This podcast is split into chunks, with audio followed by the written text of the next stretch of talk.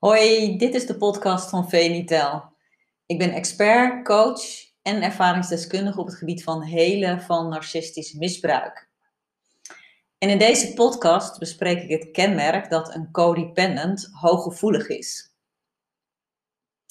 Ja, hooggevoeligheid of hoogsensitiviteit, ook wel genoemd, is een begrip dat steeds meer gangbaar wordt. 20% van de mensen zijn hooggevoelig en dat kunnen zowel vrouwen als mannen zijn. Nou, als je een codependent bent, oftewel wat ik vaak noem een pleaser, aanpasser en een wegcijferaar, dan ben je meestal hooggevoelig of hoogsensitief. En dat betekent dat je veel meer prikkels waarneemt dan een gemiddelde persoon. Waardoor het lastig is ook om standaard mee te gaan in het levenspatroon van een gemiddelde persoon. En het is best wel een gek iets, uh, vind ik. Want um, ja, als hooggevoelige persoon uh, heb je uh, helemaal niet het idee dat je anders bent of zo dan anderen, zullen maar zeggen. Dus het kan heel erg zo zijn dat je, tenminste dat, dat merkte ik bij mezelf ook, want ik had, heb die hooggevoeligheid ook heel erg. Maar dat ik het juist altijd had opgevat van ja, ik ben gewoon niet helemaal uh, goed genoeg of zo. Ik ben gewoon overgevoelig. Ik ben, um, ja, er mankeert iets aan mij. Het is een soort van, ja, het is een, iets wat niet goed is. Maar dat is niet waar, want ik ben blij wat dat betreft met, het, uh, met dat begrip van hooggevoeligheid of hoogsensitiviteit, omdat dat gewoon wel verklaart van oké, dus um, je hebt mensen die gewoon gevoeliger zijn en dan krijg je meer prikkels binnen en dan is het dus ook, dan moet je daar dus ook op een andere manier uh, mee omgaan dan de standaard. En wij mensen zijn natuurlijk heel erg gewend om je altijd eigenlijk te richten naar een soort gemiddelde. Dat is ook te vergelijken met bijvoorbeeld op school of zo. Stel dat jij bijvoorbeeld uh, een beelddenker bent ja, dan kan je bijvoorbeeld ook, uh, of dyslectisch bent of zo, dan kan je in het huidige schoolsysteem, of misschien is dat nu beter, maar vroeger toen ik op school zat, van ja, ik ben niet dyslectisch en geen beelddenker, maar even ter vergelijking, als je dat bent, dan kan je gewoon niet meekomen. En als je dan niet weet wat er aan de hand is, dan kan je ook helemaal er niet goed mee omgaan. En dan kan je maar het idee hebben dat het een gebrek is, in plaats van dat het ook een hele grote kwaliteit eh, is.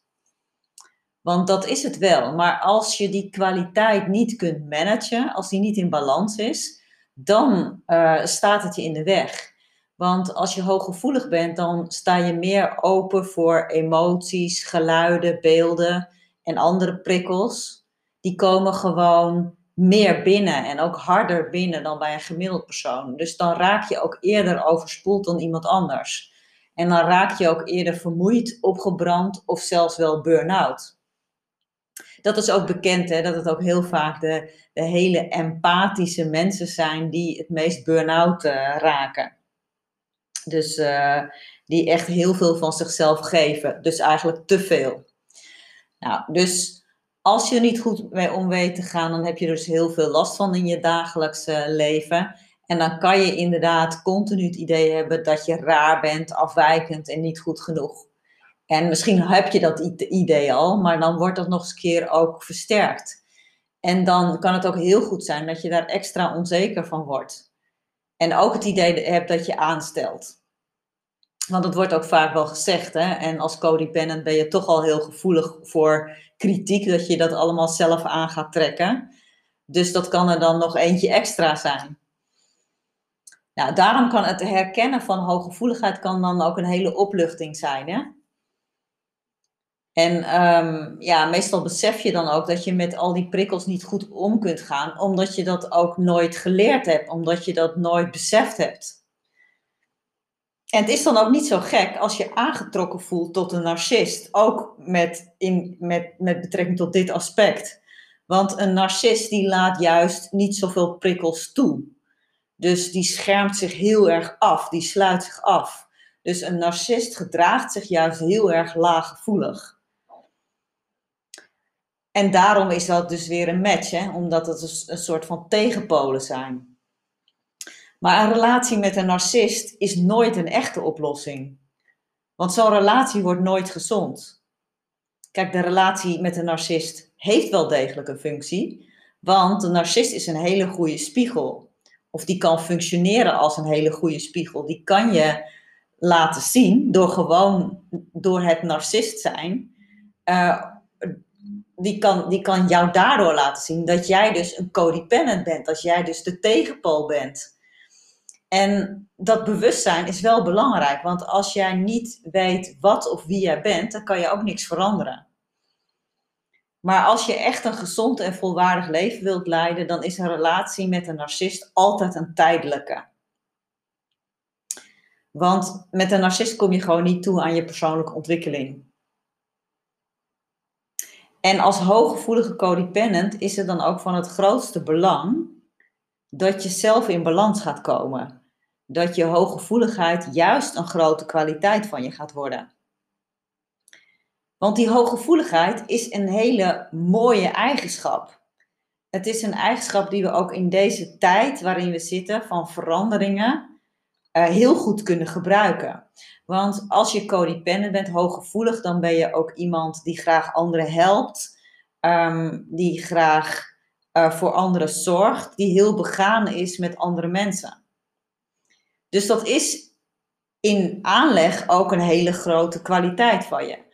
Maar het mag dus niet ten koste van jezelf gaan. Dus je hebt te leren om dit in balans te brengen. Dat is de boodschap die ik uh, in deze podcast uh, mee wil geven.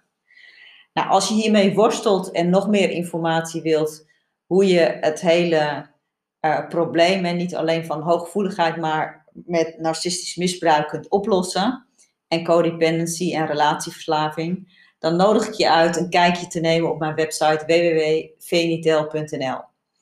Daar kun je ook gratis een zevendaagse minicursus aanvragen. Ja, en wil je mij persoonlijk een vraag stellen? Eh, vanaf dinsdag 26 januari ga ik iedere dinsdag om 8 uur s avonds een live vragenuur op Instagram houden. Dus zet de datum vast in je agenda. Of in ieder geval de dinsdag, weet je wel. En zorg dat je mij ook volgt op uh, Instagram. Nou, vond je dit een waardevolle podcast? Abonneer dan even. Dan krijg je direct een melding als er een nieuwe podcast klaar staat. Ik kan het ook super waarderen als je een like geeft, een opmerking maakt of deze podcast deelt. Dan hebben anderen er ook weer wat aan. Ik zie je heel graag weer bij de volgende podcast. Doeg!